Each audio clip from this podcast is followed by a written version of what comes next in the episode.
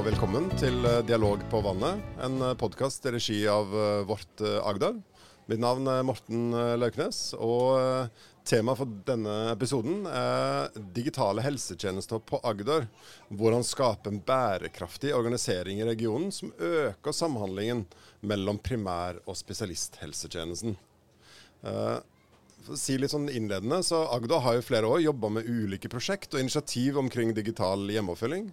Samarbeid mellom primær- og spesialisthelsetjenesten har hele tiden vært uh, fokus, men har ikke alltid vært enkelt pga. ulike organisasjonsmodeller, forvaltningsnivå og forretningsmodeller. De siste årene har kommunene og sykehus i større grad involvert seg i hverandres initiativ for å øke samhandlingen på tvers, og dele erfaringer fra ulike metoder for digital hjemmeoppfølging.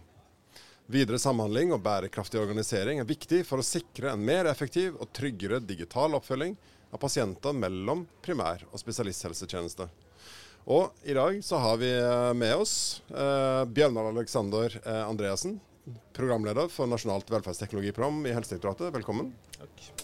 Vi har eh, Åse Synnøve Hobbesland, kommunalsjef for helse- og omsorgssektoren i Grimstad kommune og leder for regional koordineringsgruppe, RKG.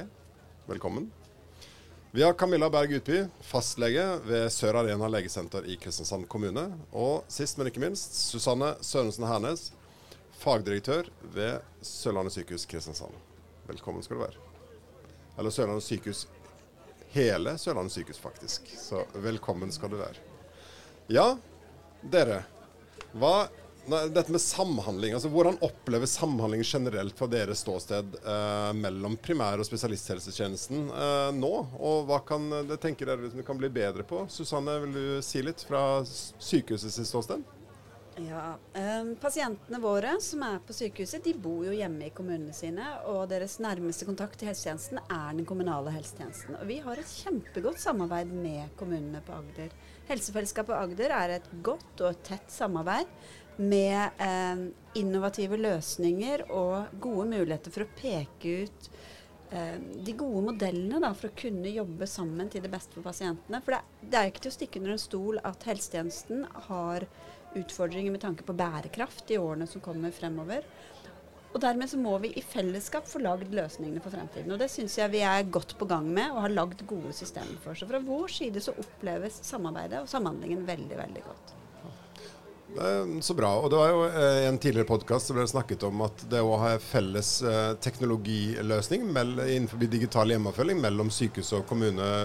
Eh, hva, hva, vil du si noe om det? Hva tenker du? Ja, jeg tenker at i all vurdering av helsetjeneste så må vi ta kvaliteten for pasienten som det helt sentrale. Og for den enkelte pasient eller den enkelte bruker da, digitale helsetjenester, så er det helt sentralt at de forholder seg til én type løsning at vi klarer å utvikle den på tvers av nivåene i helsetjenesten. For Det er den eneste måten vi kan sikre å gjøre ting mest mulig brukervennlig. Så det tenker jeg er helt sentralt for å få det til på en god måte. Så bra. Og eh, Åse, fra liksom et kommuneperspektiv, du, hva, hva tenker du?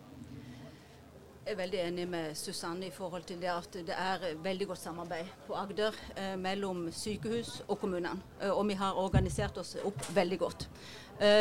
Eh, daglig skal det samarbeides, eh, og det skal videreutvikles. Eh, det som har vært noe spesielt for Agder, det er jo det at vi har inngått innovasjonspartnerskap, hvor vi på en måte prøver å jobbe fram at vi har felles løsninger. Og, og, verktøy. Og Det vil framover være veldig viktig for at vi skal kunne levere tjenester um, kontinuerlig. For det er sånn at sånn som jeg forstår sykehus når det gjelder digital hjemmeoppfølging, noen kommuner er på, og noen er ikke på. Uh, og da er det vår, vårt oppdrag uh, i regional koordineringsgruppe å prøve så godt vi kan, og at alle kommunene er på. Så at det ikke blir så problematisk for sykehuset når man da sier at det her kunne være veldig aktuelt å kjøre eh, digital hjemmeoppfølging, og så er ikke kommunen starta opp. Så her har vi en, en, stor utfordring. Vi er 20 kommuner som er på, men det betyr at det er fem kommuner som ikke er på. Og sånn som vi jobber i RKG, så er det det at vi ønsker at alle kommuner skal være med. Vi har Anna Olsen, som vi alltid har sagt, overalt. Og det er vårt samfunnsoppdrag som det her handler om. Ja. Så det er bare tilbake igjen til Susanne. Altså det, så det at eh, Ikke bare at liksom, eh, dere må ha 25 kommuner som må sogne til sykehuset, men, men, men en kan jo risikere, hvis en ikke samhandler godt mellom kommunene, at en har 25 eh, ulike teknologiske løsninger som en skal forholde seg til. Stemmer ikke det?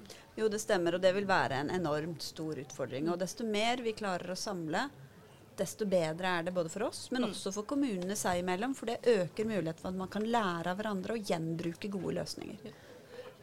Ja, og, og det arbeidet som vi starta i forhold til um, felles anskaffelse i 2017, så var det for oss å lage felles plattform på kommunene.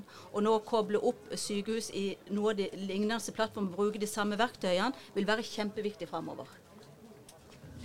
Og Camilla Bergutby, du er fastlege. og vet ikke om du er liksom mellom barken og veden her, eller, men eh, liksom, fra ditt ståsted, da, som, uh, i samhandling mellom sykehus og kommune, hva, hva tenker du?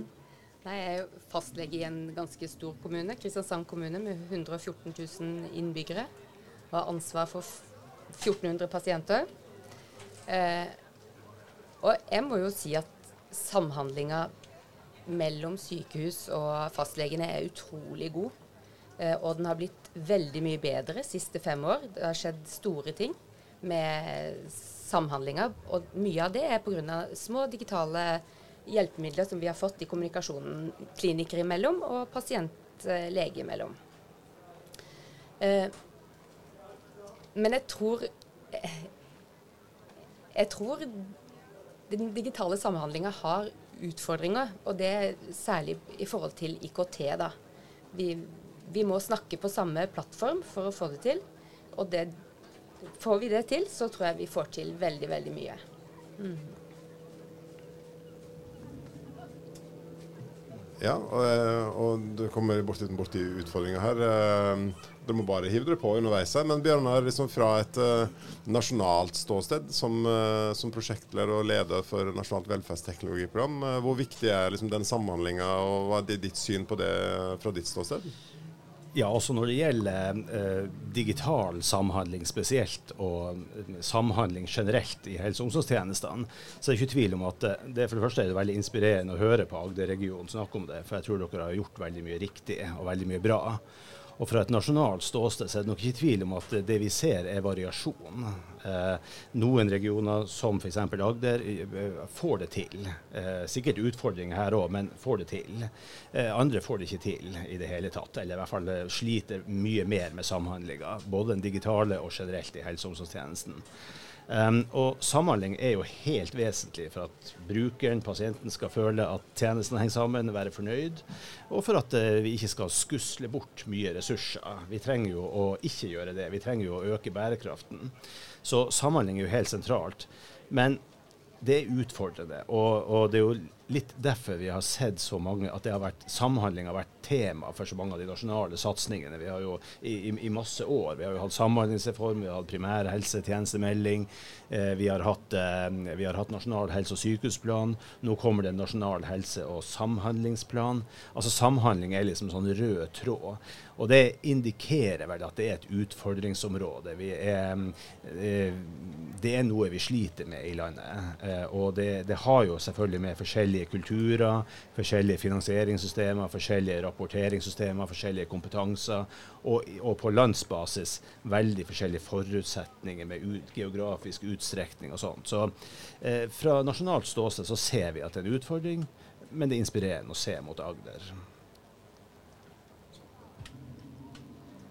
Ja, noen eh, kommentarer på det, så er det bare å hive seg på. Men jeg, jeg tenker på, altså, det, er jo, det, er jo, noen pasientgrupper som, som er eh, kanskje mest komplekse og dyre eh, kostnadsmessig òg, og viktig å samhandle om. Og, og det ble snakka tidligere om kolspasienter, en del sånne eh, kronikere. Eh, der er det utrolig viktig med, med god samhandling. Hva, hva, kan en gjøre for å liksom, øke samhandlinga, sånn at eh, pasientene opplever at de møter én helsetjeneste. Eh, Susanne? Jeg tenker Det er flere ting som er viktig i den sammenhengen. For det første tenker jeg at Vi må gi litt honnør til de som starta på Agder allerede i 2013, og som bygde opp, som var reelle startupere eller gründere av å få til en god digital samhandling og en god digital oppfølging av enkelte pasientgrupper. Og så er det jo sånn at Nå har vi holdt på i nesten ti år. Nå har vi kommet over den der startup-fasen, og da må vi begynne å se på hvilke pasienter skal dette egentlig tilbys til, og hva vil, eh, hva vil fordelen være for pasienten, men også for helsetjenesten. For det er klart at jeg tror eh, egentlig de aller fleste pasientgrupper ville kunnet eh, krysse av på at de opplever det trygt og effektivt og godt å ha digital hjemmeoppfølging i en eller annen form. Slik at Utfordringen nå blir å finne hvilke pasientgrupper er det som vil ha størst effekt av dette, og hvordan skal vi følge opp dette videre og pinpointe det. Og Der har vi ennå litt jobb igjen å gjøre, men når vi klarer å få en system og en rigg rundt akkurat dette, så vil vi se at dette Agder-lokomotivet vil rulle enda mye raskere. Og der tror jeg egentlig vi fastlegene er egentlig veldig klare, men vi må bare se at det er nyttig. Vi må på en måte ha noen, ha noen tall på at dette, dette hjelper pasientene våre. Um, og da har vi evne til å snu oss. Og, og, vi kan snu oss fort. Det har covid-epidemien vist oss. Mm. Der Åtte av ti fastleger hadde jo ikke videokonsultasjon, aldri tatt i det før eh, koronaepidemien kom. Og i løpet av første måneden ut i epidemien så var en fjerdedel av konsultasjonene på video. Så bare vi ser at, eh, at det hjelper pasientene våre, så, så er vi klare. Mm. Også det som en kanskje så i forhold til covid, det er jo um, altså hva er læring? Det er bare endring av atferd. ikke sant? Uh, og jeg har vel hørt rykte om noen som har fikk satt uh, den digitale oppfølgingsskjermen holdt på seg inn på et annet rom igjen. Så det, altså, når, du skal få til vare endring, så må du pushe på hele tida. Uh, og så er jeg veldig enig med dette. Vi, I forhold til samhandlinga mellom sykehus og, og kommunene og, og fastlegene, så må vi uh, være mye tydeligere på hvilke pasientgrupper gjelder det. Altså, det er ikke tvil om. Fordi at det er sånn at det, dessverre, pga. ulike finansieringsordninger, eh, så vil noen pasienter lønne seg for sykehuset, og så vil noen pasienter lønne seg for kommunene. Og så I tillegg så har kommunene ikke bare pasienter, men vi har masse brukere som skal leve sine liv, og som er òg da eh, som vil kunne ha god nytte av digital hjemoppfølging. Altså svært god nytte eh, av det. Så, så som det er å finne ut av hvor, hvor klarer vi å treffe i forhold til det å kunne håndtere eh, samfunnsøkonomien framover. Altså hvor, det, hvor vil vi få mest effekt? Ja, det her er jo veldig interessant. Og jeg tror jo også at det her er sentralt for å bli motivert for å satse på det her videre, og for å få litt volum på det. For, det. for det første må vi ha litt volum for å begynne å se gevinstene. I starten så er det mye pukkelkostnader, og vinninga går litt bort i spinninga i rene, rene penger. Men på sikt så har vi jo gode indikasjoner på at det vil gi gevinster, men da må det bli volum. Og jeg tror noe av utfordringa er at det er vanskelig å se gevinstene. Eh, altså Hvis en kommune blir styrker sitt tilbud, eh, så er det klart at eh, noen av gevinstene oppnår er f.eks. unngåtte sykehusinnleggelser, men det vises jo ikke på kommunebudsjettene. Andre gevinster er kanskje de med tidligere intervensjon på enkelte brukergrupper. Men det er jo på en måte også noe som ikke direkte vises i kroner og øre. Det vises for brukerens livskvalitet i et livsløp, vises det. Men i akkurat årets budsjett så vises det ikke nødvendigvis. Så har jo sykehuset på sin side får jo egentlig på en måte betalt for de brukerne som skrives inn. sammen samme på en måte er jo fastlegen for eh, mer sånn stykkprisorientert betaling. Så sykehuset tjener jo nødvendigvis heller ikke på at en pasient unngår sykehusinnleggelse. Da er det samfunnet som tjener på det. Og det, vi, må, vi, må, finne noen modeller som kan vise fram dette bedre. Få de gode eksemplene. For ellers så tror jeg vi kommer til å slite litt med å dokumentere at det her gir også økonomiske gevinster. Det er lettere å dokumentere at brukeren er fornøyd, og det er kjempebra. Det er jo tross alt det viktigste. Men det å bevise at vi kan faktisk spare penger og øke bærekraften ved hjelp av digitale helsetjenester, det krever litt mer avanserte modeller enn vi har i dag. Altså, vi, må, vi, må, kunne se på tvers av nivåene der. Mm.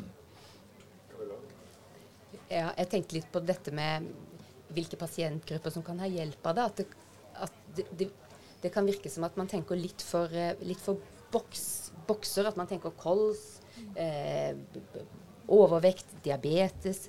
Vi, vi, må tenke mer målretta mot uh, den enkelte pasienten.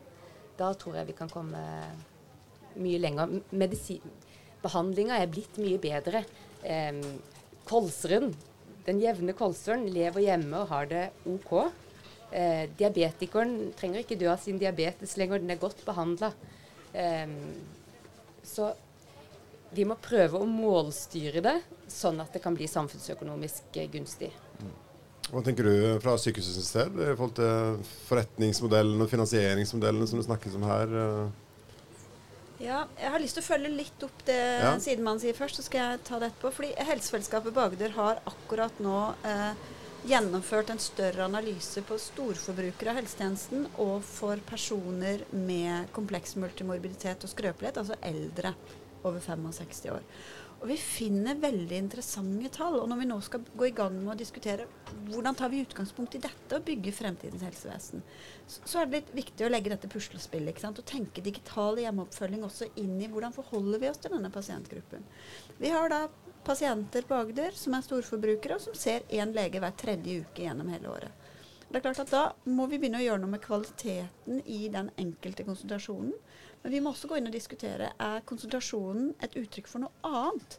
Kunne den vært byttet opp med en annen type oppfølging, og da vil digital hjemmeoppfølging være helt sentralt.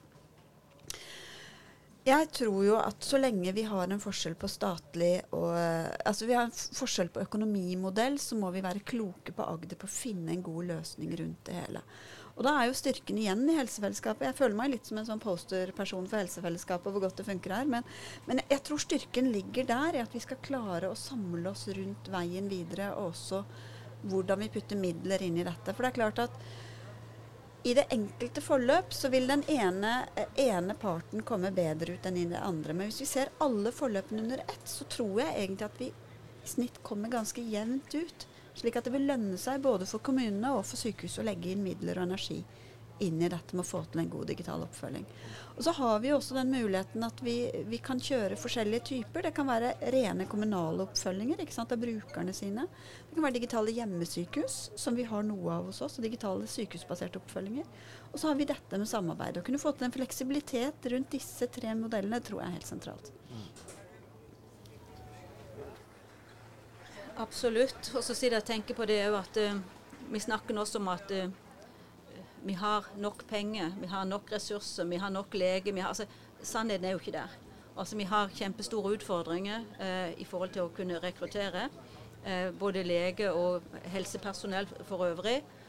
og i et globalt perspektiv så hvordan skal vi husholdere helseinnsatsen vår? tenker jeg, det, det, det med, altså, litt etiske refleksjoner på. Fordi at eh, det er noen spenstige kommuner på Agder som sier det at eh, når det gjelder søknader, så skal det alltid testes ut først digital hjemmeoppfølging. Altså, du, skal teste den veien. Og jeg tror som litt tvang tror jeg alltid eh, av og til på, på en god og hensiktsmessig måte for å få opp det som du sier, ikke sant, Bjørne, du må få opp volumet. Altså Volumet må opp for oss å se hva, hva, slags effekt har dette. Og så vet vi jo alle det at forebygging eh, i forhold til helse, det foregår som regel ikke innenfor helse. Det foregår andre steder. Så å forstå på en måte disse store samfunns, altså samfunnsdynamikken eh, i forhold til hva skal til for at eh, perioden med skrøpelighet blir kortest mulig. Ja. Det er jo veldig interessante perspektiver som trekkes frem her. Og, og, og, jeg tror akkurat det er veldig viktig som ble tatt frem nå sist her, at det er klart at eh, vi vet jo at altså, eh, Det var snakk om i en tidligere sesjon her eh, i Arendalsuka i dag om at det, det, er på en måte ikke akkurat pengene nødvendigvis. Vi er jo litt luksussituasjon i Norge. Det er ikke nødvendigvis pengene som mangler, men det er jo som du sier, det er jo personell. Og, og i andre regioner er det jo mye større mangel på personell også. Så, så det er klart, det er jo derfor vi må satse på digitale helsetjenester. for å på en måte kompensere for den mangelen på personell som vi kommer til å sitte i eh, ganske snart. Um, og så er det jo også, og det er klart dette går jo på også når kommuner da styrker sitt tilbud. Så har vi jo, som du var litt inne på, sykehusene også blir mye mer digitale. Eh, flytter tjenester hjem eh, til brukerens hjem. Det er jo også veldig viktig å kartlegge, for klart det er jo enormt eh, eh, sannsynligvis gunstig for bærekraft, gunstig for pasientene. Men det vil også medføre muligens i noen sammenhenger en økt belastning på kommunen. Så dette må vi jo kartlegge. Vi har et prosjekt faktisk i Helsedirektoratet nå der vi skal kartlegge akkurat de effektene. Det blir jo bare en start, for det er jo små volum enda. Men å kartlegge litt de effektene også. Og så er det jo også endelig, da eh, Det er jo en, nok et gevinn. Altså En ting er på en måte bruk av ressurser, tilgang på helsepersonell. Kommer det jo mer og mer inn sånn miljømessig bærekraft også. Altså klart Teknologi kan jo bidra til muligens i framtida både mindre sykehusbygg, mindre reising. Eh, det vil jo kunne være en, eh, et, et, mindre karbonavtrykk hvis vi klarer å innføre teknologi. Så det, det er et, sånt, et ekstra bein i bærekraftsdiskusjonen som nå kommer til å tvinge seg fram fremover. Som gjør det bare enda mer viktig å få det her i gang. Camilla, du hadde Veldig, veldig interessant, egentlig. Det, det det vi bare må passe på, det er jo å passe på at hendene er der de skal være. Vi må passe på at klinikerne og sykepleierne er hos pasienten, og at ikke de blir flytta inn på foran datamaskinen. Mm. Og akkurat nå så, så, er jo dette tydeligere og tydeligere i samfunnet. At det, vi må jobbe mye mer med oppgavefordelinga. Hvem skal gjøre hva? Altså, det er en viktig vei å gå. Uh, og ikke minst òg dette med klima. Uh, eh, RKG har alltid hatt det på, på, på dagsordenen, altså klimaregnskapet. Det er derfor f.eks. vi starta når vi starta opp med å kjøre Teams-møte. Uh, så det har alltid ligget inne i vår tenkning. Men altså, oppgavefordeling vil framover være ekstremt viktig. I alle fall i kommunene. Og jeg begynner å se jeg at for sykehusene sine deler også, så begynner man å tenke mer Man tar kanskje inn type personellgrupper som en periode har vært ute. Og det tror jeg òg kan være veldig klokt. Mm.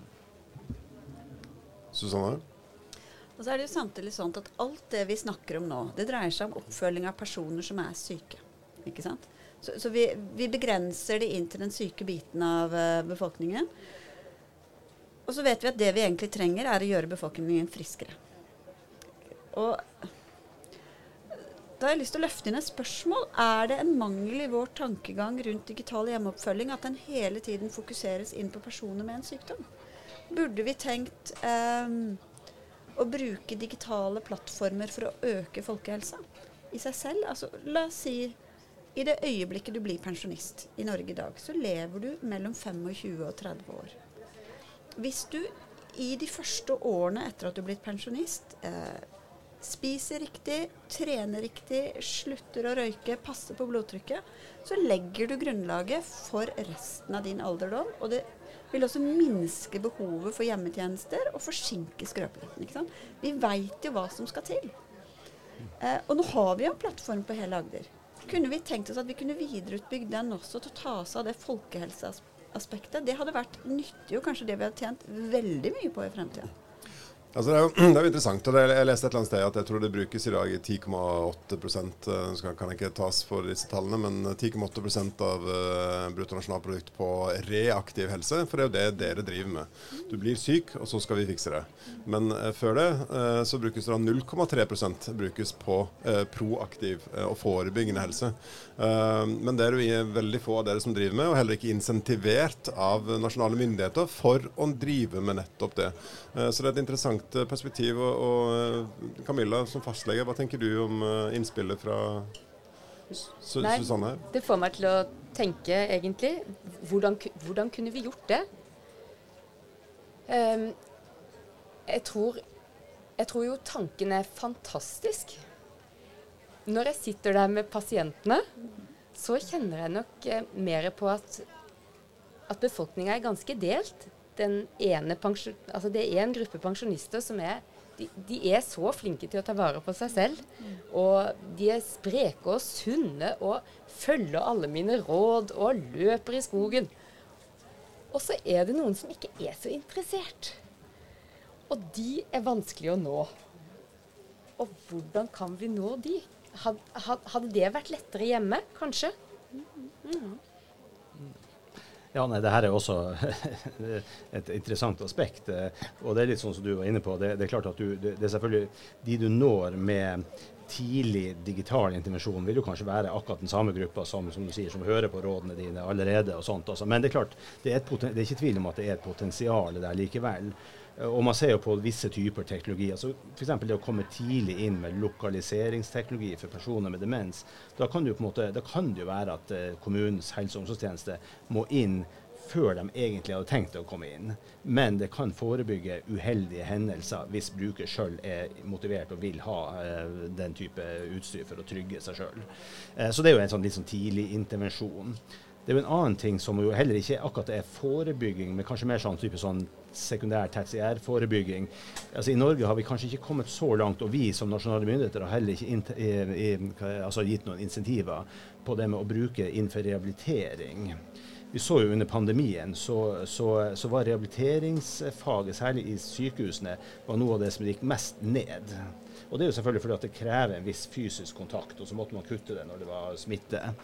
Eh, der ser vi, Når vi ser f.eks. til andre land, Danmark, der har man kommet litt lenger på akkurat en rehabiliterings, eh, digital hjemmeoppfølging i et rehabiliteringsforløp. Og Det tror jeg også er noe vi skal se litt mer på. Altså, jeg ser ikke bort fra at dere i Agder har tenkt mye på det allerede, men det er nok noe vi skal se litt på for å igjen få litt sånn tidlig intervensjon ved hjelp av teknologi.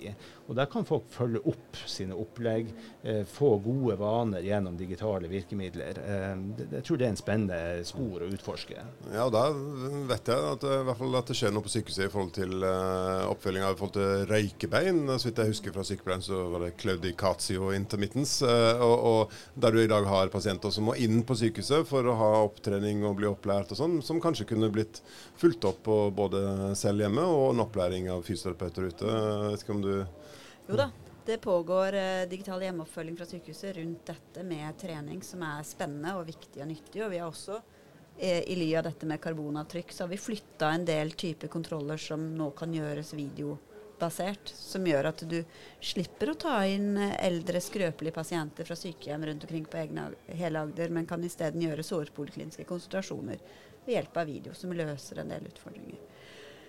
Um, jeg tenker jo at selv om ting virker umulig, så er det allikevel ikke umulig. Og jeg tror jo at i det øyeblikket vi klarer å få til, eh, gjerne da med økonomiske insentiver, det må jeg bare si, jeg er fri litt til sidemannen her, for å kunne for å kunne lage en rigg rundt dette med å få folk i gang. ikke sant? Få folk i gang til å ta vare på egen helse. For det er jo slik at vi har disse tidligstarterne som alltid tar ansvar. Men hvordan får vi i gang de midt imellom? Noen vil vi aldri få i gang, men vi, det er flere vi kan få i gang. Og kommunene har jo massiv mengde tilbud allerede. Men vi får ikke informasjonen ut til de som skal være der. Så hvis, eh, hvis, man kunne tenke seg en kommunal plattform også rundt dette på samme plattformen, slik at folk er vant til å bruke vår digitale plattform også til andre ting, så hadde det vært nyttig. Da har vi en plattform for vårt Agder. Um så er det um, altså Vårt Agder eh, har jo vært uh, har satsa veldig mye på folkehelse. Mm. Så det er på en måte å bruke den kompetansen som ligger der. Så har òg Østre Agder jobba mye med en innsatstrapp. Mm. Uh, og da er det på en måte å finne ut av hva slags type tilbud ligger nede. Så skal du holde deg nede i den trappa. For som jeg sier, at det, alt som kan gjøres, så er ikke helsepersonell. La det være der. Og så er det det, det, det som du sier, Camilla, at det, det er alltid noen som ikke vil. Men for være, at vi skal være sikre på at de faktisk ikke vil, så må vi vite at vi har gitt godt nok, god nok informasjon. At her er tilbudene, sånn kan du gjøre, og bistå folk for å komme over den litt pukkeleffekt. Vi har alle en liten pukkeleffekt, både organisasjon og menneske. ikke sant? Så, så, så, så at det, men den informasjonen hele tida, og folk må lære å forstå, må ta vare på helsa si. Når det er mulig, ta vare på helsa si. Ja. Mm. Og der tror jeg det er viktig at vi, at vi passer på de tillitsforholdene som vi har i kommunene. Eh, man har tillit til, eh, til, helsetjenesten rundt seg. Da tror jeg man når mange flere. Og der er vi heldige i Norge. Spille videre på det. Ja, det, det, var et godt uh, stikkord der med tillit. Jeg var på også en sesjon her i Arendalsuka i går i regi av Pensjonistforbundet, der de snakka om sånn digitalt utenforskap. Og Noen blir jo veldig bekymra med en gang det er noe du skal logge inn på noe, logge inn på Helse-Norge eller et eller annet, så, så blir de veldig bekymra og får det ikke til. Og det kan jo ødelegge tilliten altså både til seg sjøl og til helsevesenet. Så det er klart, Da kommer vi jo inn på det her, som dere sier, det er veldig viktig at det er de riktige brukerne som ut, plukkes ut til det her. Og bruk av teknologi kan jo, kan jo gjøre sånn at vi frigjør tid til å også følge opp på gamlemåten de som trenger det. Så det er jo et viktig aspekt. Ellers er det jo også det her med, som ble nevnt med økonomiske insentiver. Altså Jeg nevnte jo litt innledningsvis at vi, man ser jo til de gode eksemplene. Vi ser jo til Agder-regionen Agder for å få gode eksempler på samhandling og sånt. Så må vi også se til andre land, hva de har fått til. Jeg nevnte Danmark i stad. Eh, Finland har jo nå en spennende prosjekt der de skal eh, en helsereform der de skal samle finansierings- og behandlingsansvaret for kommunen og spesialist under ett i regioner.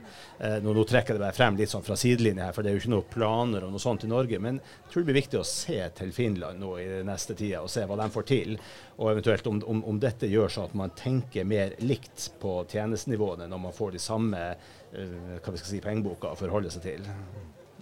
Ja, Det er jo interessant. Jeg hadde eh, Tidligere så var jeg på en båttur med eh, ambassadøren av Mexico. og Han snakka litt om helse og, og, hvordan det var litt med demografisk utvikling her og, og kontra Mexico. Og I Mexico så har de ikke det samme utfordringa som oss, de henger litt uh, etter. og han, uh, og Så snakka jeg litt om det, en, liksom den utfordringa som, som, dere beskriver rundt dette med å det, ha, uh, det, må komme ferdig inn, må kunne, det må kunne virke. Vi må, uh, Fastlegene snakker om dette med å, å, å bruke eh, de varme hendene til, til, det de faktisk har utdannet seg til å gjøre. Men, men, det han ambassadøren utfordres på, er vi kan jo teste ut. Vi kan kjøre tidlig fase testinga, sånn at dere får tjenester som er mer Uh, plug and play. Uh, og Det er jo sånn interessant dette med å se ut, se hva gjør andre. Hva kan vi tenke innovativt i forhold til hvordan en driver tjenesteinnovasjon. Um, nå skal vi avrunde her etter, litt etter hvert, men jeg, her har det blitt snakka om helsefellesskap. Jeg får nesten litt sånn ståpels av både Susanne Herne snakker om eh, helsefellesskap. Eh, det er snakk om felles plattform. altså Dette er jo ting som man får synge i, i mine ører, og som vitner noe om, om, om, at vi er på vei eh, noe sted. og Det er jo et innovasjonspartnerskap på gang i, i Agder som nettopp kan gi en grobunn og en mulighet for, for, for nettopp dette. Sånn avslutningsvis vil jeg gjerne ha liksom, noen, noen tanker fra dere alle. Liksom, hva, hvis en kan uh, velge ut noen ord om hva, hva, skal til nå for i, fremover. Og liksom fra dere, det sitter jo som ledere, det er jo noe ansvar hos dere. Hva, hva må dere gjøre, og hva skal, bør vi gjøre i, i fellesskap for å, å, nå målene våre? Om at pasientene og innbyggerne i Agder opplever et, et, liksom et felles, fellesskap i forhold til helse, og, og, og kanskje òg at en kommer inn litt tidligere. Jeg tror vi gjør ganske mye riktig på Agder. Uh, uh, det vil si at jeg vet vi gjør mye riktig på Agder. Uh, men jeg vet òg det at uh, det er, det, er krevende å samhandle. og det, er, det betyr at alle må ha kunnskap om hverandre for å ta ut effekt. så tror jeg òg at vi må jobbe mer med å Eh, og, vi, og, og, og, ha høyere kunnskap om hva, hva vil gi effekt. Uh, og det f.eks. når du snakker om rehabilitering uh, av pasienter, så vi bruker hverdagsrehabilitering som begrep, men jeg tror vi må spisse det enda mer. for å si at der er det effekt, der er det ikke effekt. For vi utvanner begrepene noe. Så vi må fortsette å samhandle.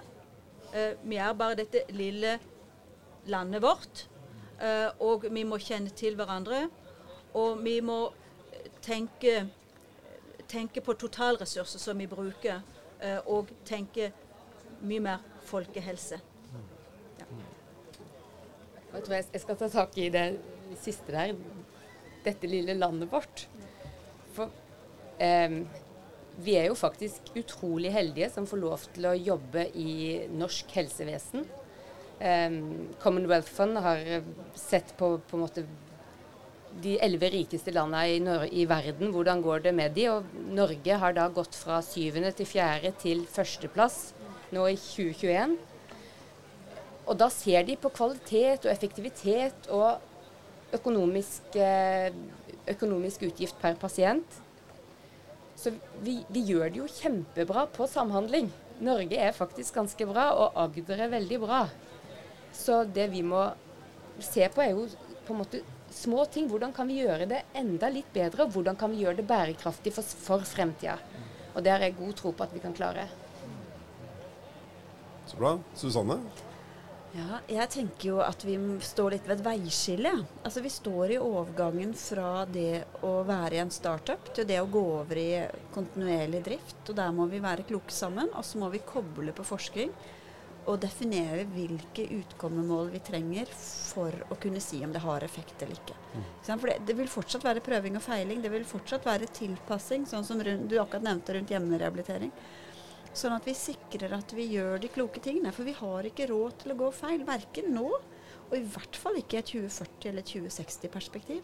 Så vi må sikre oss at vi allerede nå setter og staker ut kursen riktig. Og så vil jeg slå et slag for den folkehelsebiten. Den å nå alle, også på digitale plattformer. Bra. Og eh, Bjørnar, altså fra liksom, eh, myndighetssida. Nå har du fulgt Agder noen år. og, eh, og eh, lover det godt. For nå har du òg, så vidt jeg har skjønt, uh, kasta litt flere penger på Agder uh, i, i et spredningsprosjekt. Uh, kan du stå inne for det? Ja, absolutt. Og jeg, jeg tenker jo at det, det, er jo, det, er jo, veldig betryggende å høre også at det er, selv om man har på en måte kommet et stykke i Agder-regionen, så har man videre ambisjoner. og Man ønsker jo både å utvikle volumet, kanskje og også disse tankene med å spre det til folkehelsebiten, forebyggingsbiten. Eh, og, og, ytterligere styrke den biten der er, er jo veldig betryggende. Og så er er det jo liksom det som var sagt, at det er jo også viktig å dele erfaringer. Det er jo sånn man, altså det er jo på en måte lettere for andre regioner og kommuner å bli motivert hvis de ser at det er mulig, enn hvis man får et pålegg eller en ny retningslinje eller noe sånt. For da, da, da, er det bare sånn nok et sånn uoverkommelig krav som man får tredd over hodet. Men ja, og det er faktisk det er noen som har fått til der, ja, da er det kanskje ikke helt håpløst. Så, så øh, en annen ting som jeg vil også slå et slag for, det er mulig at uh, ikke helt oversikt over om dere har meldt dere på det allerede, men det er også et kommunenettverk for innføring av velferdsteknologi som KS leder nå, som begynner å rulles ut. Eh, og Det tror jeg er en kjempeviktig arena for å spre gode eksempler fra Agder-regionen, både på eh, digital hjemoppfølging og generelt på velferdsteknologi. Så, så jeg tror altså, ja, dele erfaringer er, er, er sentralt. Agder er på der også. Ja, jeg regna nesten med det. Ja. Agder, Agder, er på der òg. Og vi har jo òg et, eh, så jeg tenker et, eh, et, eh, bygg for samhandling òg i Grimstad, i Fire Helse, som, som en kan òg som er et bygg som skal ose av samhandling. Tusen takk for at dere kunne komme og snakke om dette. Det lover godt.